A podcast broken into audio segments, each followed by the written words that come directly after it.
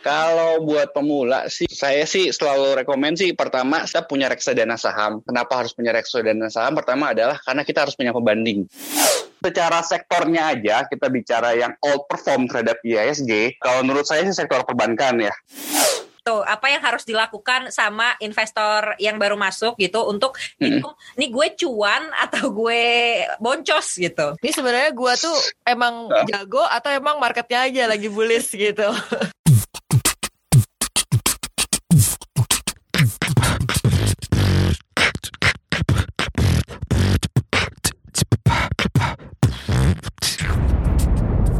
Cuap-cuap cuan.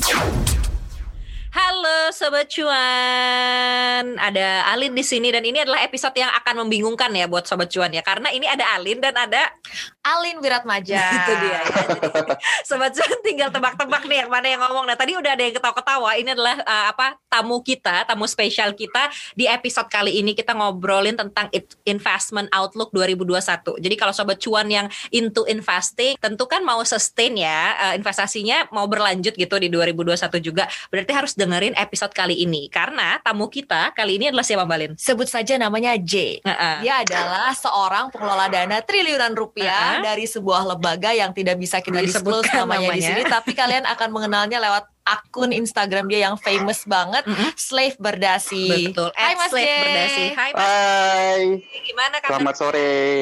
Baik, Hmm. pertama kali nih ikutan podcast. Iya, ini kita senang banget ya karena Mas J bersedia nih apa namanya Ya. waktunya buat kita berdua dan juga buat sobat cuan supaya tahu apa sih yang harus dilakukan kalau misalnya kita mau investasi di tahun 2021 gitu ya, Mbak Lin ya. Betul. Hmm. Kita mau Iya. uh, flashback dulu tahun 2020 nih seperti apa? Kalau boleh dikata secara singkat kita roller coaster ya. Kalau Mm-mm. dari uh, Mas J sendiri catatannya apa sih untuk 2020 ini dari sisi investasi? Kalau kita lihat mulai dari 2020, sementara di awal-awal kan kita banyak kebicarain ini ya tentang eh, salah satu jenderalnya Iran kan yang ditembak sama pakai drone-nya Amerika ya. Mm-mm. Orang berpikir bakal perang dunia gitu gara-gara itu. Eh tahu-tahu cuma berapa hari hilang beritanya.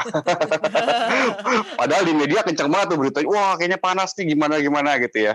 Ternyata, it- ternyata itu nggak menjadi suatu faktor yang penting gitu ya. Ternyata malah yang menjadi faktor penting itu kan pada saat kita melihat pandemi ini ya dari corona ini Mm-mm. terutama di bulan Maret ya pada saat itu kan kita auto reject bawah berkali-kali ya saat itu ya. itu kita sempat indeks sam- eh, sampai di bawah 4000 sempat ya toel dikit gitu ya di bawah 4000 ya saat itu nah waktu itu kan kira-kira kalau nggak salah ISG minusnya 40% ya saat itu ya Betul. saat itu sih bisa dibilang ya kalau kita melihat secara psikologis market ya saat itu kan semua orang jadi pada ketakutan ya. Malah eh, saya mengenal orang beberapa orang-orang investasi juga gitu ya yang tadinya tahu kan rata-rata tahu ya kalau market lagi turun banyak tuh waktunya beli sebenarnya ya. Mm-mm. saat itu mereka malah bilang mau jual. Panik selling gitu ya. panic selling gitu ya. Nah sebenarnya kalau orang-orang udah ngomong kayak gini mah ini adalah timingnya beli gitu ya. Dan ya ternyata memang betul gitu ya. Saya pribadi juga banyak masuk sih di level segini sih Joel gitu ya Uh, nah setelah itu setelah dari Maret ini kan uh, puncak low-nya itu kita melihat salah satu katalis positifnya pertama dari dalam negeri adalah dengan BI ya dapat lampu hijau untuk printing money ya. Dengan untuk printing money ini kan mereka jadi menciptakan likuiditas terus ngebantu pemerintah untuk pendanaan ya. Hmm. karena kan masalahnya kan pada saat kayak gini pemerintah nggak punya uang gitu ya. Mereka mau isu surat hutang buat biayain pandemi eh, investor luar negeri nggak ada yang beli. Waktu, waktu itu kan ya waktu pertengahan tahun dari Maret sampai Juni itu nggak ada investor luar negeri sama sekali. Bahkan investor lokal pun takut gitu ya. Nah nah dengan dengan lampu hijau ini dan bisa dibilang cukup sukses ya melakukan langkah printing money-nya ini untuk membeli surat berharga negara apalagi kan uh, burden sharing gitu ya. Ini menjadi katalis positif pelan-pelan buat IISG ya buat IISG karena kan artinya ekonomi kita punya pendanaan yang cukup nih untuk jalanin ekonomi nah itu pelan-pelan IISG mulai dari 45 sampai 5 ribu lah waktu itu ya setelah itu eh, kita lihat katalis positif selanjutnya jelas pada omnibus law ya walaupun kalau kita lihat di TV omnibus law kan suatu yang negatif gitu ya karena kan Iya, bakar-bakaran protes gitu ya. Buru marah gitu. Iya, kalau busway dibakar gitu ya. Tapi kalau kita bi- bi- bicara secara makronya gitu ya, kalau kita uh, sebagai orang pesan modal tentu ya, ya kita bicara soal cara bisnis gitu ya. Secara bisnis kan sebenarnya omnibus law ini kan substansinya adalah kan untuk mengundang investor luar negeri masuk gitu ya. Mm-mm. Karena kan isunya kan selama ini masalahnya kan eh, kalau misalnya orang luar negeri masuk buka usaha di sini gagal biaya pesangonnya kan sangat besar isunya kalau dibandingkan negara lain itu kan hal yang selalu dibahas kan ya kita kurang kompetitif gitu ininya dan makanya dari omnibus law ini kan ini kayak menjadi game changer gitu ya dan memang terbukti kan sejak sejak omnibus law ini diketok palu nggak berapa lama setelah itu kan ISG kita kan pelan-pelan naik terus gitu ya. Dan ini artinya kan memang disambut sangat positif dari omnibus law ini. Memang pasti kalau omnibus law ini nggak bisa menyenangkan semua pihak gitu ya. Tapi kalau kita berbicara secara garis besarnya ini untuk kepentingan ekonomi di Indonesia gitu ya. Dan ini otomatis kan kalau kita bicara IHSG IHSG itu kan satu representasinya ekonomi juga gitu ya. Jadi itu menjadi berita positif sih buat kita. Nah apalagi selanjutnya setelah omnibus law ini kan yang digaungkan tentang sovereign wealth fund ya. SWF Sovereign ya. wealth-. Iya SWF ini. SWF ini menjadi menjadi jawaban untuk kita ini selama beberapa tahun terakhir ya periode pemerintahan dari 2014 sampai sekarang ini kan kita kan benar-benar gencar di infrastruktur ya eh, pembangunannya. Dan pembangunan infrastruktur ini kan bisnis yang highly leverage balik modalnya lama gitu ya Iya. ya ini kan balik modal lama ya jadinya rata-rata perusahaan-perusahaan itu pasti hutangnya tinggi gitu ya dengan adanya SWF ini kan ini bisa menjadi jawaban untuk mencari pendanaan baru untuk pembangunan infrastruktur. Nah, kalau kita notice kan setelah SWF ini udah lebih jelas, ini saham-saham konstruksi kita kan terbang semua. Biasa Tadi ya. kita sempat membahas ya naiknya udah ratusan persen. Mm-mm. Saya sendiri juga bingung sih sebenarnya. Saya kan saya juga masuk PTPP di harga bawah gitu ya di bawah 600 waktu itu. Tadinya saya pikir ah paling 1200 sampai 1500. Eh tahu-tahu sekarang hampir 2000. 14 ya alhamdulillah sih. Asik dong. tapi ya ini benar-benar di luar perkiraan saya juga sih. Tapi eh, bisa dibilang kuncinya itu di pada saat SOF ini sih karena ini menjadi s- alternatif untuk fundingnya baru ya, untuk fundingnya pemerintah, fundingnya pemerintah BUMN gitu ya, Hmm. untuk proyek-proyek infra. Lalu untuk yang terakhir mungkin kita melihat pada mungkin sorry eh, dua yang terakhir mungkin pada pilpres ya karena pilpres AS ini kan pemenangnya sekarang ini kan presiden dari Partai Demokrat ya dan kita tahu presiden dari Partai Demokrat ini kan eh, lebih mereka tuh bukan tipikal yang kayak Republik ya, saya bukan bukan hanya bicara Trumpnya aja gitu ya. Kalau Republik itu kan pasti lebih gencar keluar gitu ya. Perang itu rata-rata pada saat presidennya Republik gitu ya. Mereka lebih agresif gitu. Kalau ini kan lebih merangkul Demokrat itu.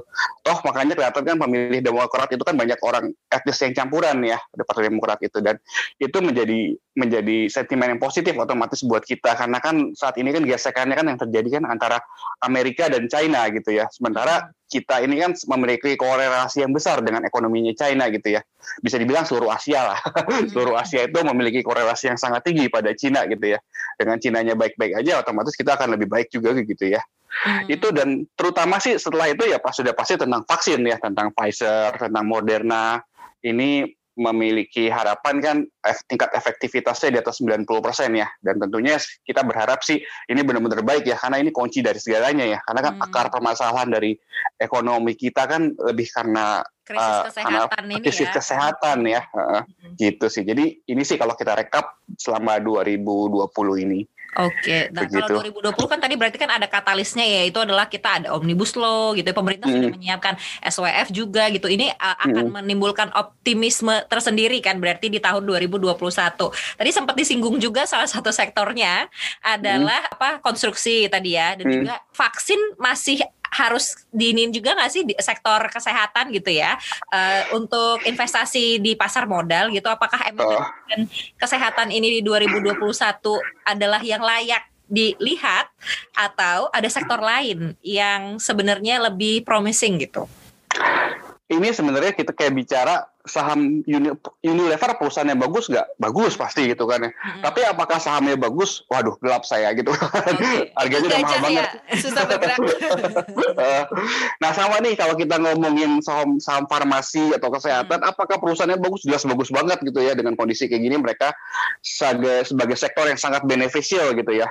Tapi kalau kita bicara hal yang logis, kita bicara secara underlying, harga sahamnya ini udah naik di level yang eh, bagi saya pribadi udah nggak masuk akal gitu ya. Hmm. Apakah dia masih bisa naik? Ya bisa aja gitu. Namanya saham itu kan sering terjadi irasional kan ya, market irasional. Hmm.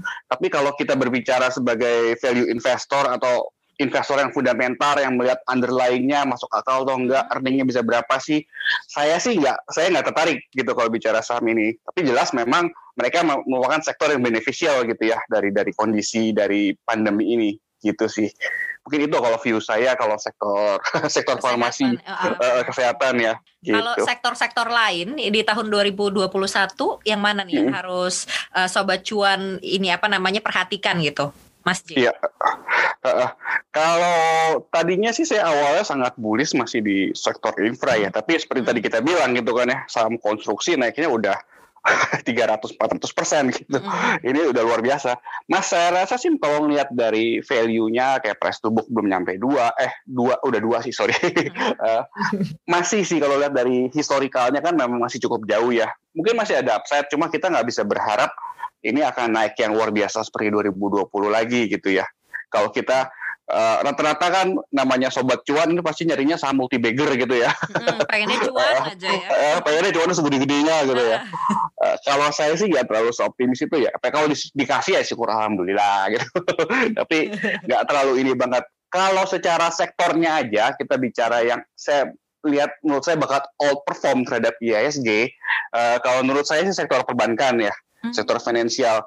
Karena uh, saya melihatnya sih pertama ini masih ketinggalan uh, bandingin sektor yang lain ya, sektor perbankan ini. Hmm. Salah satu faktornya karena kan kalau perbankan ini kan yang yang dia itu kan dominasinya karena investor asing ya. Hmm. Investor asing jual ya mau nggak mau dia turun gitu ya. Kalau investor asing balik dia itu kan bakal naik lagi gitu ya. Dan karena investor asingnya belum terlalu kuat masuk lagi ke ke IISG, otomatis dia juga belum terlalu strong gitu harga sahamnya ya. Dan kedua sih saya melihatnya juga karena dia itu di tahun 2020 ini dia sudah melakukan pencadangan dana dari labanya dia cukup besar gitu ya dari pendapatannya dia. Otomatis kan dengan dia udah pencadangan untuk yang resiko gagal bayar tinggi, berarti pengakuan untuk pendapatan dia di 2021 itu bisa lebih bagus gitu, lebih besar gitu ya. Dan itu bisa menjadi earning surprise gitu ya. Earning surprise itu bisa kan tahun ini rata-rata saya lihat kalau nggak salah turunnya sekitar 30 sampai 40 persen ya kalau hmm. kalau saham perbankan itu ya Betul. sekitar itu. Dan kalau di tahun depan ini dengan mereka sudah mencadangkan sebesar itu sih, saya rasa potensinya akan sangat baik gitu ya di perbankan ini gitu. Apalagi ditambah dengan seperti tadi bilang tadi investor asing gitu ya. Dan catatan lain lagi terakhir uh, karena kan di tahun 2020 ini kan kita, uh, perbankan kan nggak bisa nyalurin kredit ya. Nggak bisa nyalurin kredit mereka cuma existing, sedikit juga kali ya. Uh, uh, uh, uh, existing klien doang gitu ya. Mm-hmm. nah di 2021 ini kan dengan ekspektasi uh, vaksin ini sudah mulai uh, jalan lah selama semester satu gitu ya. Ini kan akan menjadi katalis at least di semester 2-nya udah mulai ada growth dari mm. perbankan itu kan ya, dari dari penyaluran pinjamannya itu. Mungkin itu juga sih buat catatan ke kita kenapa alasannya kan bunga deposito luar biasa rendah sekarang ini ya karena kan saya sendiri kan saya punya kepentingan buat naruh dana-dana deposito kan hmm. pusing saya lihat bunganya sekarang tapi ya karena itu karena mereka nggak bisa nyalurin kredit makanya mereka juga nggak terima deposito bisa dibilang bank nggak butuh uang saat ini ya bank buku empat yang BUMN saat ini hmm, banyak parkir juga besar. kali dananya ya iya, iya parkirnya kan paling ke SBN atau BI juga mereka karena bingung mau nyalurin duit ke mana gitu ya hmm. malah lucu tuh kemarin saya lihat satu bank BUMN buku empat mereka itu mestinya kan kalau deposito yang tenor lebih lama harusnya kan bunganya lebih tinggi ya. Mm-hmm. Ini malah lebih rendah. Mm-hmm. Sebegitu nggak butuh uangnya mereka saat itu gitu. Saya rasa masih sama sih posisi saat ini. Gitu. Okay. Jadi ya di gitu era sih, suku bunga rendah itu kita masih mau lanjutin bahas sektor-sektor lagi apa udah mau ke aset kelas ya? Ini masih ada lagi nggak? Selain perbankan kan lo ini yang kan, uh, Q-nya kan tadi adalah perbankan sektor, ya. sektor yang bakalan outperform.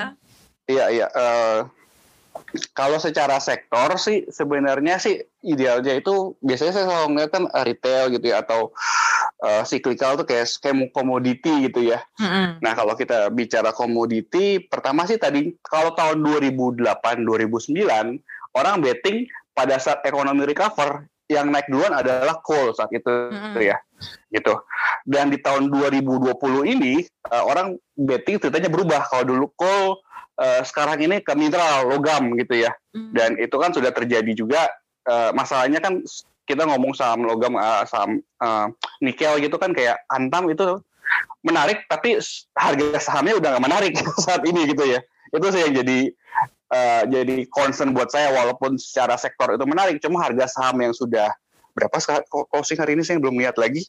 Ini banyak juga nih Jer sebenarnya sobat cuan uh. nanya kayak Antam gitu masih bisa nggak sih dipegang buat jangka lama? Nah kalau kayak uh, pendapat lu sendiri seperti apa kan saham-saham yang terkait dengan EV battery ini kan udah iya, iya. loncatnya gila-gilaan ya gimana? Uh, uh, uh. Pandangan lo? Saya kalau saya sih story-nya juga sama sih. Uh, uh, kalau bagi saya sih secara ini kan benar-benar karena memang secara story-nya narasinya kan sangat seksi gitu ya bisa dibilang ya. Orang kalau dengerin EV itu wah masa depan gitu. Sama kayak dulu orang ngomongin Apple iPod gitu ya. Uh, the next big thing gitu makanya kan langsung diburu gila-gila gitu. Tapi kalau secara valuasi saya saya sih saya nggak saya nggak nggak buat risetnya gitu ya. Tapi kan saya banyak baca riset, riset sekuritas gitu ya. Uh, rata-rata mereka asumsi earningsnya nggak sampai segitunya gitu ya. Jadi bisa saya bilang kalau ngelihat rata-rata asumsi mereka secara valuasi udah nggak menarik saat ini gitu. Makanya itu juga sih menurut pertimbangan saya waktu harga 1.200-an itu saya udah habisin semua gitu ya. Saya juga nggak nyangka sih bakal 2.000. Tapi uh, kalau kita ngomong kita kan kita bicara yang rasional dan irasional gitu ya. Kalau kita bicara rasionalnya sih, saya memang udah nggak punya justifikasi untuk menghold saham ini gitu ya gitu ya karena bagi saya sih udah nggak menarik tapi mungkin yang itu kalau kita bicara antam ya. Tapi mungkin menariknya adalah uh, ternyata bukan cuma EV battery doang gitu ya. Ternyata coal pun ditarik lagi gitu ya. Story 2008 ber, berulang lagi di 2020 gitu ya. Hmm. tadinya ekspektasi saya kan paling bat call itu paling balik harga 60-an gitu ya per, uh, per, per, per tonnya gitu. Tapi ya, tahu-tahu sekarang udah 83 84 per tonnya. Itu marginnya tebel banget sih call kalau dikasih harga harga segitu gitu ya. Itu pesta pora lagi gitu ininya dan kalau ngeliat dari harga bisa bertahan segini uh, ini sih masih ada upside gitu kalau di call ya gitu. Apalagi contohnya kalau saya pribadi kan saya sering cerita saya suka saham PTBA gitu ya ini saham yang bagi dividennya hampir 100% gitu ya. Dan dengan hmm. valuasi di harga sekarang pun singkat saya PI 2021-nya masih di bawah 10 kali PI dengan dia membagikan dividen hampir 10% eh sorry misalnya 100% dari laba labanya dia ini yieldnya yield dari dividennya ini dia itu sangat besar sekali ya di atas bunga deposito dan artinya upset dari saham ini masih menarik untuk saya gitu ya jadi daripada saya bertahan pada saham yang secara value udah nggak terlalu menarik buat saya hmm. saya lebih prefer balik ke sektor coal walaupun memang kalau kita bicara uh, PLTU bandingin sama EV battery memang lebih seksi EV battery jauh gitu ya sektornya. Hmm. Tapi kalau kita bicara secara uh, value-nya valuasinya saya lebih menarik coal saat ini sih gitu. Iya, yang tadi apalagi beberapa hari ini kan kena koreksi pullback ya IHSG, ya. jadi ya, harganya ya. jatuh gitu. uh, semakin menarik lagi berarti valuasinya ya. Iya, justru menariknya itu kan wal, sebenarnya kan kalau ini kan kita apalagi pullbacknya ini kan lebih karena dalam negeri ya. Hmm. Saya lihat uh, di negara-negara lain minusnya biasa-biasa aja gitu ya. Hmm. Justru ini malah jadi kesempatan kan ya. Karena sahamnya turun padahal harga kole naik gitu ya. Kalau kita bicara saham komoditi itu kan 90% kita ikutin aja harga komoditinya. Ini harga komoditinya naik, harga sahamnya turun ya kesempatan buat kita. Mm. gitu sih. Gitu ya triknya iya. nah ada strategi lain lagi nggak sih Mas J? Karena kan gini ya kalau uh. kita lihat kan uh, karena ini 2020 sektornya ini udah habis belum sih? Mau mau masih ini kita elaborasi sektor. Udah udah. udah habis ya. Oke. Okay. Ada lagi nggak? Oke okay, trik-trik sekarang. Sorry. Trik ya. uh. sektornya tadi udah apa namanya udah di spill ya sama Mas yeah. J iya. gitu ya. Apa aja yang harus diperhatikan sama sobat cuan. Nah ini kan adalah yeah. juga kenyataan yang terjadi di pasar saham Indonesia di tahun 2020 adalah investor retail ini adalah menjadi raja ya, menguasai uh. gitu. Tapi iya. karena ini juga gitu ya, fluktuasi pasar sahamnya juga luar biasa, nggak bisa diterka-terka ya nggak sih Mbak Alin? Jadi Iya agak-agak reaksinya berlebihan nggak sih Mas J menurut oh, contohnya nih beberapa hari ini kan kita kayak yeah. misalnya jadi kayak lampu disco gitu, padahal misalnya secara uh. overall sentimennya nggak ada yang terlalu ngehit mm -hmm. pasar juga gitu. Menurut uh, uh. kamu gimana sih Jer? Kayak buat yeah. uh, investor retail nih yang baru masuk ke pasar gitu? Uh. Uh, saya sih juga baru tahu nih ya sebenarnya bukan cuma investor retail yang kecil juga ya. Jadi sebenarnya high network network individual ini juga banyak masuk ke IHSG ya.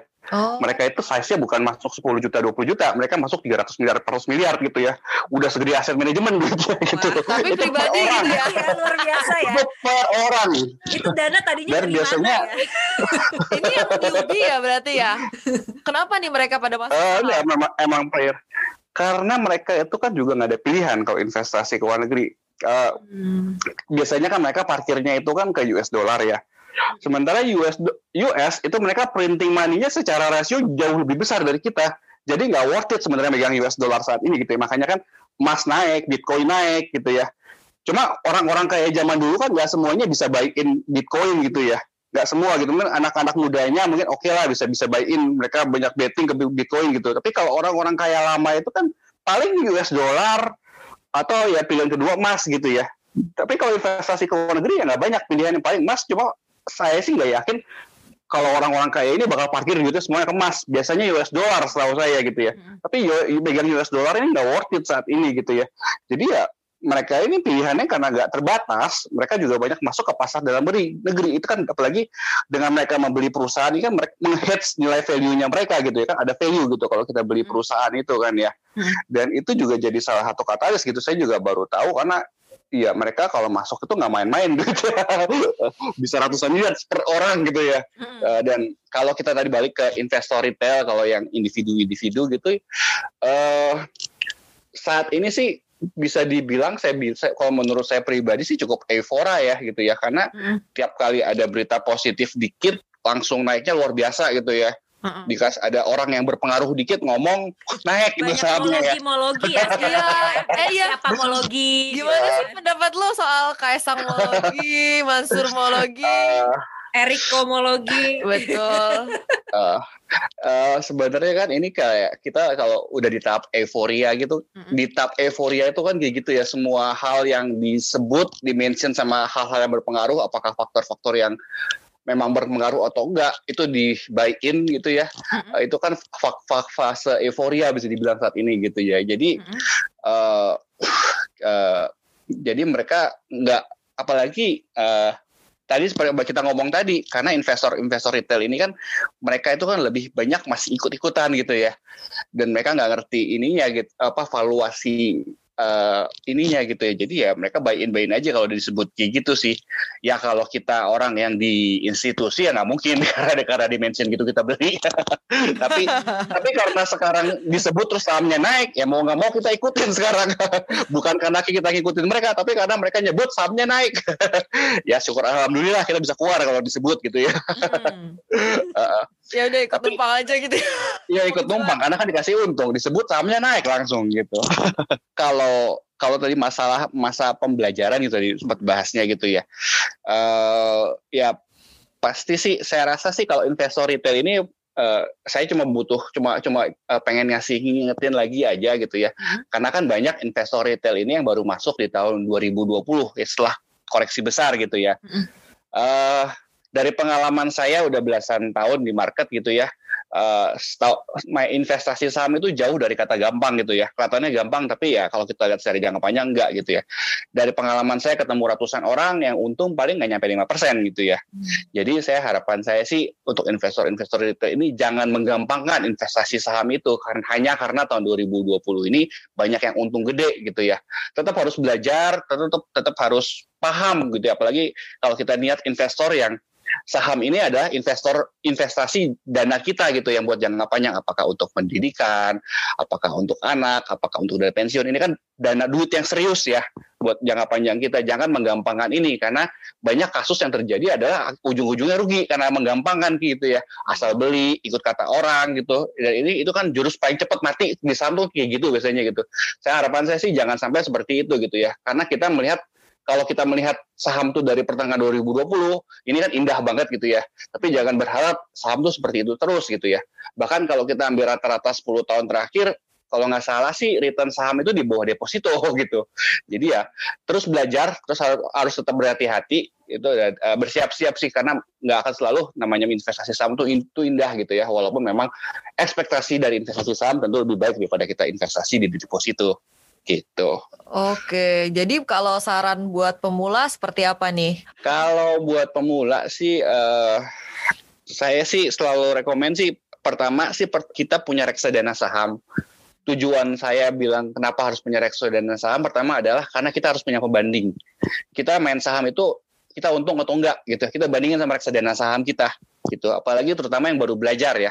Karena investasi saham dengan investasi reksadana itu dua hal yang berbeda banget secara prakteknya gitu ya. Kalau investasi saham tuh banyak faktor psikologis. Kita jual duluan cepat kecepatan, kita beli uh, kita beli terlambat, uh, jual kecepatan atau kita jual di atas uh, jualnya di bawah beli di atas gitu ya faktor psikologis seperti itulah banyak yang terjadi di saham sementara kalau reksadana kan orang taunya dollar cost averaging gitu ya uh, dan itu yang menjadi dan pengalaman saya dari saya bertemu ratusan orang gitu ya yang main saham rata-rata ruginya karena faktor psikologisnya ini gitu ya. Dan ini yang sangat berbahaya makanya kita butuh pembanding. Ya itu. Hmm. itu adalah makanya pembandingnya adalah kita membandingkan dengan reksadana dan keduanya adalah kita harus tahu cara ngitung keuntungan saham yang benar gimana gitu ya. Karena banyak di investor retail itu cuma nguntung ngitung keuntungan itu adalah saham yang udah dijual yang untung. Yang masih posisi yang masih pegang yang masih posisi lagi rugi nggak dihitung itu ngawur cara hitung kayak gitu. Jadi harusnya hitung keseluruhan portofolio nih. Iya, harusnya total portfolio. Biasa kan sebenarnya kalau kita buka di saya main di Mirai atau di iPod gitu kan sebenarnya kelihatan kan total portfolio kita, portfolio value plus cashnya gitu ya. Kita lihat aja perubahannya gimana nih kira-kira gitu gitu. Dari situ kan kita tahu lah ada gambaran walaupun kita ada ada chip in money ataupun ada tarik cuma kalau ini kan kita lebih bisa ada gambaran gitu kira-kira berapa. Karena itu penting banget buat saya ya. Menurut saya sih seharusnya buat investor retail yang baru-baru mulai ataupun yang masih bingung itu harus menjadi acuan utama untuk melihat aset investasi kita gitu ya. Karena uh, kalau kita nggak tahu cara ngitung yang benar kita nggak tahu kita salah atau benar gitu nantinya gitu. Dan itu sih kalau memang memang kita bisa konsisten untung di saham dengan cara yang benar gitu ya. Hmm. Setelah bertahun-tahun saya bisa bisa bilang kalau masuknya pertengahan 2020 sampai sekarang udah merem aja pasti untung deh. itu kan kalau sekarang gitu ya. Hmm. Tapi kalau kita lihat dalam dua tahun tiga tahun kalian memang bisa konsisten gitu ya, memang bisa lebih baik performance ya silakan gitu. Tapi pertama-tama cara cara tahu performance lebih baik atau enggak adalah dengan cara mengukur yang benar dulu gitu ya jangan sampai ngitungnya cuma saham yang udah dijual yang untung doang. Gitu sih. Atau sahamnya cuma di screenshot doang belum dijual sebenarnya ya. Belum oh iya. Ya keuntungan iya Berarti uh, kita harus catetin benar-benar gitu ya, Mas Jer, uh, Mas J ya.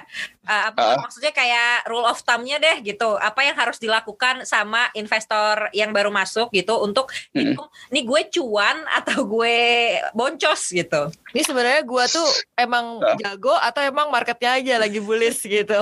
Iya. Uh, kalau biasanya kan sama sebenarnya kalau kalau kita bandingin sama reksadana, reksadana saham maksudnya ya. Reksadana saham itu kan selalu pembandingnya terhadap IHSG gitu. Nah, sama nih kalau kita punya porto kita pribadi, kita juga bandingkan kinerja kita terhadap IHSG. Misalnya kita bicara di pertengahan 2020 sampai sekarang, kita untung 20% lah gitu ya. Nah, di pertengahan 2020 atau sebelumnya itu IHSG kan 4.500. Sekarang IHSG 6.000 kira-kira ISG dari 4.500 ke 6.000 kan udah naik 30 persenan kan ya, 30 persen hmm. lebih. Ya kalau kita naiknya cuma 20 persen, IHSG-nya 30 persen, artinya kita jelek sebenarnya gitu.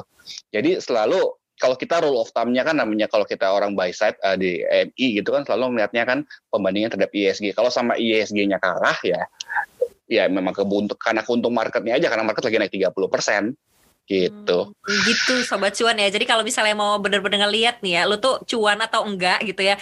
Jago bukan jago deh, uh, apa namanya di saham yang oke okay atau enggak selama ini dibandingkan dengan IHSG-nya. Tapi rata-rata sih kita kayak wah saham gue udah naik 20% tapi satu emiten udah seneng gitu kan. Iya, yang iya, lainnya iya. merah-merah.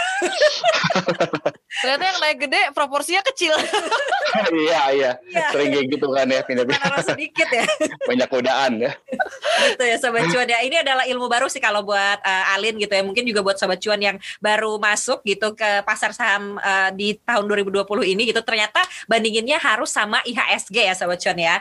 Iya. Mm-hmm. Terus mau nanya dong ke uh, Mas J, ini kan gimana sih caranya biar sebagai investor itu jantungnya kuat dalam artian mentalnya juga kuat. Iya gitu. Ada caranya tertentu nggak sih misalnya dari sisi uh. picknya, terus kemudian uh, strategi kapan exitnya. Hmm. Seringnya kan ya itu tadi kayak uh, J bilang uh, kadang-kadang hmm. kalau jual kecepatan suka nyesel, hmm. kalau uh, mau beli nawar eh sahamnya udah keburu terbang nyesel. Gimana biar kita tuh nggak banyak penyesalan lah.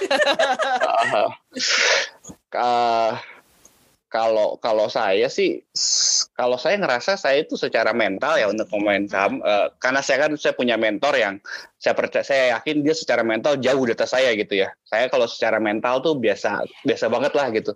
Tapi yang bisa membuat buat saya yang bisa membuat saya merasa lebih baik adalah karena saya tahu apa yang saya lakuin gitu ya. Hmm. jadi kalau misalnya kita beli uh, kita beli saham bank mandiri misalnya kita kalau misalnya turun kita tahu turunnya kenapa walaupun kita nggak bisa tahu kita jual dulu gitu ya. Tapi karena kita tahu dasarnya kenapa nih? Oh karena sentimen lagi jelek gitu ya.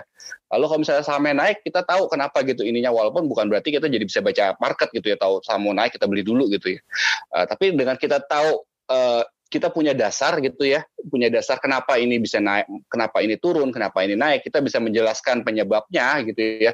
Kita jadi lebih punya conviction kalau kita punya jadi conviction kita nggak gampang terdeng mengikuti noise. Karena kan kalau di zaman era digital ini kan masalahnya noise-nya banyak banget gitu ya. Hmm. semua pada nakut-nakutin. Teman dari forum dari grup telegram WhatsApp anything lah gitu ya. Itu kan semua nakutin semua. Tapi kalau kita memahami gitu dari dasar-dasar seperti ini gitu ini akan sangat membantu kita jadi lebih punya conviction kenapa kita bisa hold gitu ya. Dan untuk bisa memahami ini sih menurut saya nggak nggak harus pakai ilmu dewa gitu ya. Hmm. Saya cuma ngelihat PE, PBV, rasio-rasio sederhana seperti ini, saya ngelihat average-nya, ngelihat dividen yield-nya dia berapa. Ini kan bukan suatu ilmu yang wow banget gitu ya. Nah, perlu saya nggak pernah bikin uh, discounted cash flow gitu. Ya kali saya punya waktu bikin gituan. Dan saya tahu kan kalau misalnya bisnisnya Bank Mandiri apa sih paling cuma nyalurin kredit doang gitu ya. Hmm. Nah, kalau yang saya takut kan kalau saya beli saham-saham yang nggak ada isinya, valuasinya nggak masuk akal, tapi naik naik tinggi ya saham-saham yang kemarin yang yang masuk KPK kemarin lah gitu ya itu kan banyak saham-saham yang secara valuasi yang masuk akal. Nah kalau gitu kan saya takut pasti gitu. Tapi kalau perusahaan-perusahaan jelas seperti ini ya ya udah gitu. kalau memang kita saya salah call gitu ya saya beli malah turun ya udah gitu paling karena saya punya conviction ini perusahaan bagus malah saya nambah lagi gitu ininya hmm. gitu sih mungkin mungkin saya kasih punya contoh ya uh, mungkin storynya adalah kayak saya saya beli saham weton Owika Beton uh, pada saat harga berapa ya kemarin tiga ratusan ya tiga ratus di tiga ratus saya masih hold waktu itu. Pada saham-saham lain udah mulai naik tapi karena kan masalahnya waktu itu dikonstruksikan lagi ada isu uh, presdir salah satu precast kan panggil masuk KPK kan karena KPK yeah. habis itu uh, uh, apa namanya bond ratingnya di downgrade. Habis itu apalagi ya saya singkat saya ada tiga ininya. Isu tuh negatif semua langsung kan harga sahamnya dibanting semua gitu yang berhubungan dengan itu gitu. Walaupun mereka nggak ada masalah dengan KPK ataupun bond di downgrade gitu ya. Tapi justru pada saat sahamnya turun itu secara mental saya kesel banget pastinya gitu. Duit saya turun gitu kan namanya aset hmm. gue gitu kan. Hmm. tapi karena saya ngerti ini kan karena sentimen bukan karena perusahaan yang bermasalah gitu ya. Ini malah jadi momentum buat saya untuk nambah lagi. Dan pada saat itu saya nambah lagi gitu ya.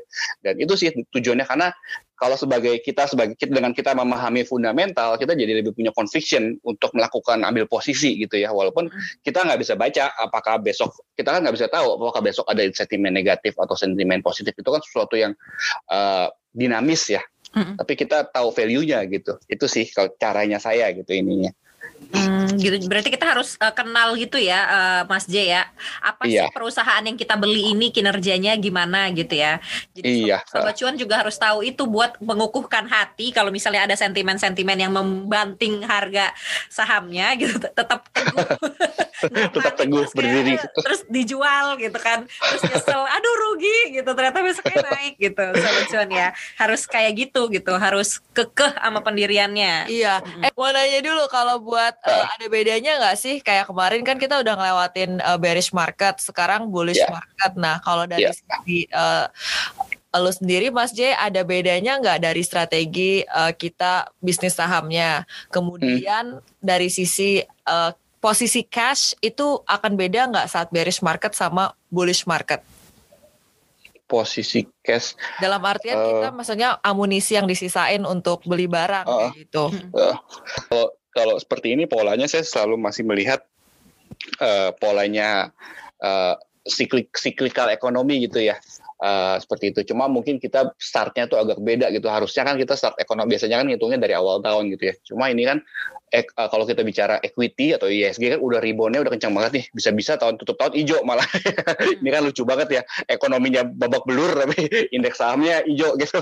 Uh, tapi at least kita tahu uh, ini udah mulai mulai naik gitu ya. Tapi apakah masih ada upside? Menurut saya sih masih gitu ya karena secara kebijakan udah pastikan saat ini uh, sangat menguntungkan untuk equity ya. Equity itu kan perusahaan emiten-emiten. Pertama suku bunga rendah otomatis kan menguntungkan perusahaan yang butuh funding gitu ya. Hmm. Apalagi infrastruktur kan uh, highly leverage biasanya gitu. Otomatis mereka sangat diuntungkan. Dan secara kebijakan-kebijakan pun uh, uh, pemerintah juga pasti kan akan melakukan hal yang mendorong emiten-emiten atau perusahaan-perusahaan ini untuk balik profit lagi, bagus lagi gitu ininya. Jadi kalau kita bicara aset kelas, saya sih tetap masih yang paling bagus saya tetap lihatnya equity. Apalagi kalau kita masalahnya masalahnya yang lebih parah lagi bondsnya udah luar biasa soal besar ini kan turun yieldnya ya saat ini udah levelnya udah 6 gitu udah jomplang sekali gitu ininya dan ini kita belum melihat efek dari capital inflow-nya asing gitu ya karena kan mm -hmm. uh, kalau kita membandingkan dengan uh, negara lain yield kita masih di atas juga gitu ininya gitu. Jadi uh, saya rasa sih masih uh, pertama tetap pilihan utama saya tetap di saham uh, pas sudah pasti di saham. Hmm. kedua di bonds uh, pasar uang kenapa saya sangat gak suka dari pertengahan uh, dari dari kuartal tiga lah ya dari kuartal tiga. Karena itu karena kasusnya kan uh, bank ini nggak bisa nyalurin kredit mereka ample of liquidity gitu ya kebanyakan likuiditasnya. Mau nggak mau mereka harus mereka nolak nih orang yang mau nabung di bank apalagi bank-bank buku empat. Yieldnya kan rendah banget ya makanya kita kalau di pasar uang itu nggak worth it masuk di situ gitu ya. Uh, bahkan saya yang punya ngelola dana institusi aja saya dikasih bank buku empat man tiga setengah persen kalau nggak salah ya. Hmm. Biasanya kan saya sebagai pengelola dana institusi itu kan dikasih bunga kan di atas gitu ya. Ini dikasih bunganya cuma tiga setengah persen. Buat apa saya tiga setengah persen gitu kan? Mending saya beliin bonus saja gitu. Jadi ya sangat-sangat worth it. Tapi memang kita harus mengharapkan sih di 2021 ini akan lebih banyak kejutan gitu ya. Kalau kalau teman-teman yang baru masuk di pertengahan 2020 ke sekarang kan kita hanya melihat indahnya aja gitu ya. Mm-hmm. Tapi mungkin di 2021 ini akan lebih banyak kejutan gitu ya. Walaupun tentu secara ekspektasi kita tetap melihat uh, uh, environmentnya itu sangat tetap sangat positif di saham gitu jadi hmm. tetap harus ada sih saya rasa kalau untuk menjaga cash gitu ya uh, ininya tapi ya tetap paling menarik sih di sisi di sisi aset kelas saham. Hmm, saham tetap yang paling menarik uh, uh, ya. Masih ini ya sobat iya. cuan ya. Jadi coba sobat cuan yang mungkin uh, nyangkut-nyangkut dihitung-hitung lagi tuh apa namanya apakah di TP aja gitu atau gimana gitu atau mungkin tabungan amunisinya uh, alokasinya ditambahin lagi gitu ya Mbak Alin ya. Betul. Nah, uh, ini kan Mas J kalau kita lihat ya di akun Slave Berdasi gitu ini kan investasi juga dibahas gitu kan dan juga uh, ada yang mungkin ini relevan juga gitu ya buat sobat cuan adalah masalah karir gitu uh, Mas Jay. Ini kan sobat cuan yeah. rata-rata adalah mahasiswa atau fresh graduate gitu ya atau kayak first jobber yang baru baru pertama kali kerja gitu. Nah, ini aku ngelihat ada satu postingan di Instagramnya Slave Berdasi itu tentang besar di kolam yang salah. Nah, mungkin ada sobat cuan nih yang sekarang gitu ya sedang entah ada di mana gitu apakah di kampus atau lagi magang atau lagi kerja gitu. Lagi ada di kolam yang mungkin apa, kolam gak cocok cocok gitu buat dirinya. yeah. Nah, di tahun yeah. 2021 apalagi kan kita tahu ya uh, tingkat pengangguran juga tinggi yeah. kan sekarang gitu. Persaingannya juga di tahun 2021 tuh mungkin uh, akan lebih sengit gitu daripada tahun-tahun sebelumnya gitu. Apa sih pesannya Mas J gitu untuk sobat-sobat cuan yang mungkin sekarang lagi di kondisi itu gitu besar di kolam yang salah atau mungkin malah lagi nyari kolam nih gitu iya iya nyari kolam uh, jadi kalau saya bikin uh, cerita yang itu gitu ya. Awalnya karena beberapa suka DM saya gitu followers gitu ngeluh gitu karirnya stuck dia. Hmm. uh, udah ngambil ini itu. Saya dia teman-teman dia udah pada naik. Hmm. udah jadi ngeluh dia ketinggalan. Kamu umur berapa sih memang? 25 hmm. ya ampun berumur 25 udah pesimis amat. Gitu ya. Uh, jadi uh, karena alasan beberapa orang yang terlalu fokus melihat sekelilingnya mm-hmm. saya dengan saya, saya saya punya cerita saya pribadi dan saya juga banyak cerita tentang yang lain rencana saya bakal ada lagi tentang di feed di Instagram yang cerita seperti itu karena saya mengenal orang yang lebih sukses lagi jauh gitu ya mm-hmm. uh, itu itu sebagai patokan jangan sampai kita melihat hanya karena sekelilingnya gitu. Kenapa kita nggak fokus pada kita yang paling tahu diri kita sendiri kan, apa yang kita suka gitu ya. Hmm. Karena uh, kadang kalau kita terlalu mendengarkan orang lain kan orang lain melihat dari sudut pandangnya mereka, bukan dari sudut pandangnya kita gitu ya. Hmm. Apa yang baik buat orang lain kan belum tentu baik untuk kita. Karakter setiap orang kan beda-beda ya. Ada yang introvert, ada yang hmm. extrovert gitu ya. Hmm. Uh, saya mengenal misalnya kalau saya sendiri saya bilang kan saya baru masuk ke jadi analis itu di umur 28. Hmm. Uh, saya mengenal bahkan beberapa teman misalnya dari dia baru dia bahkan baru masuk pasar modal itu umur 30 ya. Hmm. Dan nggak nyampe umur 40 dia jadi presdir. hmm. gitu. Dan saya juga kenal lagi teman yang lain di usia tiga tadinya dia kerja IT di Amrik gitu ya. Hmm. Tapi karena teman-temannya dia itu uh, pada balik ke Indonesia akhirnya dia balik gitu ya tapi sebelum dia balik dia ngambil CFA dulu sampai dapat gitu ya CFA level 1, level 2, level 3 setelah dia dapat dia balik ke Indo setelah berapa tahun itu balik ke Indo dia udah umur 30-an ya hmm. balik ke Indo balik ke umur 30-an sekarang dia jadi salah satu ah, riset kalau nggak salah jadi uh, wakilnya kalau nggak salah gitu di salah satu riset asing ter, terbesar di Indo gitu ya jadi penghasilannya ya udah miliaran lah bilang gitu hmm. uh, maksud saya poin saya adalah nggak uh, ada kata terlambat sih maksudnya kalau kita lihat yang saya kenal aja tuh semua orang-orang yang baru umur udah umur 30-an aja mereka baru mulai gitu ininya. Hmm. Uh, yang penting sih menurut saya uh, yang penting kita tahu pertama apa yang kita mau gitu ya. Hmm. Karena kita karena kita dan orang lain kan beda-beda gitu. Jangan jangan mengharapkan saya yang ngarahin kamu gitu ya. Karena kamu yang tahu apa yang kamu mau gitu ininya. Dan kedua adalah setelah kita tahu apa yang kita mau, kita tahu apa yang dibutuhin. Kalau misalnya kita bicara mau jadi analis pasar modal, udah jelas sekarang ini udah CFA gitu. At least CFA level 1 lah gitu hmm. ininya. Hmm. Kalau zaman saya dulu sih saya cuma ambil S2 sama OMI bisa gitu nembus gitu ya. Hmm. Tapi kalau zaman sekarang sih persaingan kan lebih ketat otomatis ya makin tahun. Tentu susah gitu ya. Tapi nggak semua kayak gitu sih. Tapi kalau nyarinya pengen jadi marketing ya menurut saya nggak harus semua pendidikan gitu ya kalau marketing itu kan lebih ke networking atau uh, sebagainya gitu ya kita harus melihat petanya masing-masing sih dari situ karena kan setiap industri beda-beda gitu hmm. yang penting memahami sih apa yang kita cari dan apa yang dibutuhin untuk untuk nembus ke sana dan itu sih kalau kalau pesan dari saya kalau untuk yang buat teman-teman yang pengen masih mengejar karir apa yang mesti tahu dulu apa yang kita mau habis kita kalau kita mau apa yang dibutuhin baru di situ kita bisa berusaha nembusnya ya.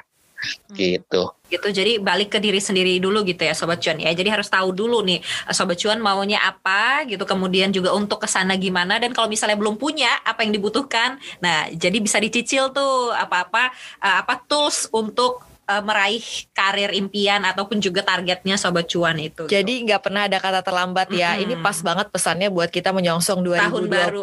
Asik. Jadi semua orang kayaknya berharap 2021 ini will be a better year ya. Dan harapannya tuh kayaknya lebih tinggi dari tahun-tahun sebelumnya. Iya, apalagi kan kita sudah survive 2020 ya. Iya. Mas J, ini uh, satu iya. pertanyaan yeah. sih, ini agak-agak personal uh, gitu. Kenapa sih yeah. berlindung di balik akun slave berdasi? Uh, ini pertanyaannya oh, banyak banget. Mengapa tidak membuka identitas dirimu? Mengapa oh. tidak menunjukkan uh, ya sosok di balik itu gitu? Padahal kan ilmu ilmunya bermanfaat ya. Postingannya tuh iya. banyak yang nge-like gitu, banyak bermanfaat untuk banyak orang gitu. Kenapa? Kepo sih. ini pertanyaan kepo banget. uh, saya sih bikin slave ini sebetulnya udah lama ya dari tahun 2021 uh, eh 2021 2016 dari empat tahun lalu gitu ya. Dan dari situ saya uh, berteman dengan dulu saya dulu masih blogger waktu itu ya zamannya masih blog blogging. Kenal dari Kak Kanda atau kenal dari Rahmat dari, dari pejabat situ. Uh, tujuan saya waktu itu kenapa nggak pakai nama sih karena saya pengen ngebangun brand daripada ngebangun pribadi gitu ya. Karena saya pengen ini selebrasi saya mau bikin ini karena saat itu saya merasa juga pada saat itu saya lagi nggak nyaman di pekerjaan saya saat itu gitu ya. Dan saya merasa saya jadi seperti corporate slave lah bisa dibilang kayak gitu ya. Karena saya pengen quit tapi aduh dapur mesti ngebul nih. Kan gara-gara kita sebanyaknya begitu ya. Dan dari situ sih spirit uh, dari slave predasi ini dan saya percaya banyak orang yang mengalami ini bukan cuma saya doang banyak orang lain yang mengalami hmm. seperti ini dan saya ingin spiritnya ini berbagi gitu ya karena memang saya percaya saya punya punya knowledge dalam hal investasi karena background saya tapi hmm. spirit dari slave predasi ini bukan hanya uh, bilang bicara saham gitu ya tapi bagaimana kita supaya bisa mendapatkan kebebasan finansial gitu ya supaya kita nggak lagi harus terjebak dapur harus ngebul. Itu sih sebenarnya spirit dari Steve Berdasi ini. Gitu. Jadi saya nggak saya lebih suka memunculkan nama Steve Berdasi daripada saya pribadi sih. Dan memang kan saya juga introvert ya jadi nggak suka muncul-muncul sih. Jadi suka terekspos gitu ya. iya Tapi itu tadi ya analogi slave berdasinya gitu. Jadi kalau misalnya sobat cuan sekarang jadi lagi sedang jadi slave berdasi, Asal dapur ngebul aja apa yang harus dilakukan nih? Tadi kan katanya harus tahu kan apa yang ini ya, apa Tapi kan ada Iya. juga yang Gitu ya. memang suka terjebak dalam kenyamanan. Ah, ah. Misalnya emang penghasilan dia tuh gede banget, Mm-mm. dia sayang banget tinggalin karena tuh uang dia nggak nyaman. gitu enak ya. banget buat hidup dia. Tapi meskipun dia Ah. merasa kayak corporate slave. Nah, Mm-mm. kalau buat yang kayak gini gimana? Ah, pertanyaan yang sulit. Coba eh, saya juga nemu banyak nggak banyak adalah gitu saya ketemu orang yang ya karena gaji gede eh, tapi juga mereka nggak tahu apa yang mereka mau gitu ya kan nggak semua orang bekerja sesuai passion gitu ya dan memang banyak pekerjaannya yang nggak sesuai passion tapi gajinya gede kan Iya. banyak juga yang kayak gitu ya. Eh, saya eh, saya juga agak agak eh, agak bingung sih kalau ini cuma ya pada umumnya kan mereka punya hobi atau ini eh, eh, gimana ya Alin ya? Biar itu menjadi pilihan masing-masing sih. Cuma saya lebih berfokus pada eh, teman-teman yang lagi dalam pencarian gitu ya karena ngerasa nggak puas gitu ya dengan apa yang dilakuin sekarang kalau saya karena saya pribadi gitu ya saya nggak pengen cuma hanya kerja saya ingin memberikan value untuk diri saya sendiri karena saya ingin merasa saya tuh worth it gitu ya Uh, memberikan value dengan apa yang saya lakukan gitu ya makanya tapi saya juga karena butuh butuh dapur ngebul saya nggak bisa senak jidat langsung berhenti gitu kan besok pengangguran mati gue Harus ada ininya juga ya, hitung-hitung Iya, iya. pastinya. Heeh. kan kita kita tahu lah logis ya kalau kita mulai dari pengangguran kalau kita ngeplay kerjaan baru kan kita bargaining powernya sangat rendah ya Mm-mm. Jadi kalau buat teman-teman yang berada dalam posisi itu ya kita harus sabar dan pasti sih kita harus men- menguatkan uh, knowledge skillnya kita gitu ya apa yang dibutuhin sih kalau kita pengen lompat gitu ya. Mungkin itu sih kalau buat teman-teman yang lagi dalam pengen lompat, pengen pindah mencari yang baru gitu ya. Jangan modal nekat juga sih kalau memang butuh dap- dapurnya mesti ngebul gitu ya. Ambil ambil kursus kayak S2 kayak atau apa gitu atau bergaul kayak dengan lingkungan-lingkungan yang bisa memberikan kesempatan baru gitu ya. Karena saya juga kenal temen ah ini pasar modal juga sih sebenarnya. Tapi dia nggak ada ngambil pendidikan, dia nggak ada ngambil pendidikan baru lagi gitu. Cuma karena nggak nongkrong nongkrong aja gitu istilahnya gitu lah. Kalau buat orang kayak gitu bisa juga gitu. Mm-mm. Eh, eh, gitu. Tahu lah apa yang harus dia lakukan gitu kalau memang ini. Jangan modal nekat juga sih bahaya kalau masih Mm-mm. butuh dapur ngebul. Harus jadi Gitu. melihat kesempatan juga dan hitung-hitung langkah juga ya strategis gitu ya. Cuan Amin. Ah, Mas Eh, J juga amin. makin cuan dan juga terpenuhi ya purpose-nya gitu ya kan eh, eh, memang memberi dari value ya. Ah, Iya. gitu, eh, eh, makin Amin. banyak lagi gitu yang yang apa ya yang mendapatkan manfaat dari akun @slave berdasi. Jadi kalau misalnya sobat Thank cuan you. boleh nggak nih kalau misalnya sobat cuan kayak pengen curhat, pengen nanya-nanya gitu DM ke Boleh. berdasi, boleh ya? Boleh banget banyak kok gitu ininya. Dan responsif loh. iya saya responsif, Iya, responsif Alin loh. Sering ya, sering Semua saya balas sendiri kok. Sering-sering. Oh, belum ada mimin ya, belum ada miminnya ya mas. Belum ada, belum ada semua saya balas sendiri kok. Nah itu ya Sobat Cuan kalau misalnya mau ngobrol lebih jauh lagi sama Mas J Mungkin kenalan siapa sih sebenarnya nih sosok di balik at slave berdasi ini Langsung aja di DM ke at slave berdasi gitu ya Sobat Cuan ya Thank you. Eh, Makasih Mas J atas waktunya Terima kasih juga Alin dan. Alin. Alin dan Alin Kita kayak anak kembar ya Iya, dan benar. Gitu. Nah Sobat Cuan walaupun ya tadi eh, apa namanya mungkin Sobat Cuan ini Alin yang mana nih yang ngomong gitu kan Ini Alin yang mana nih ya gitu Bingung tapi Alin yakin banget eh, Sobat Cuan tuh malah tidak bingung tapi tercerahkan gitu atas informasi-informasi dari Mas J tadi ya Mbak Alin ya Betul banget. Semoga ini bisa jadi membantu kita yang Mm-mm. menavigasi pasar saham ke depannya, pasar modal ke depannya, biar kita tuh nggak gampang terombang-ambing dan galau walaupun Uh-uh. pasar lagi berfluktuasi. Betul gitu tetap teguh pendiriannya karena kita tahu apa yang kita beli gitu lah ya Cie, you know why, you know the reason why. Eh, eh, gitu aja Sobat Cuan ya Terima kasih banyak Mas J Terima kasih. Eh, Terima kasih banyak Sobat Cuan Dan saya Alin Saya Alin Wiratmaja. Sampai jumpa di podcast Cuap Cuap Cuan selanjutnya. Bye Bye.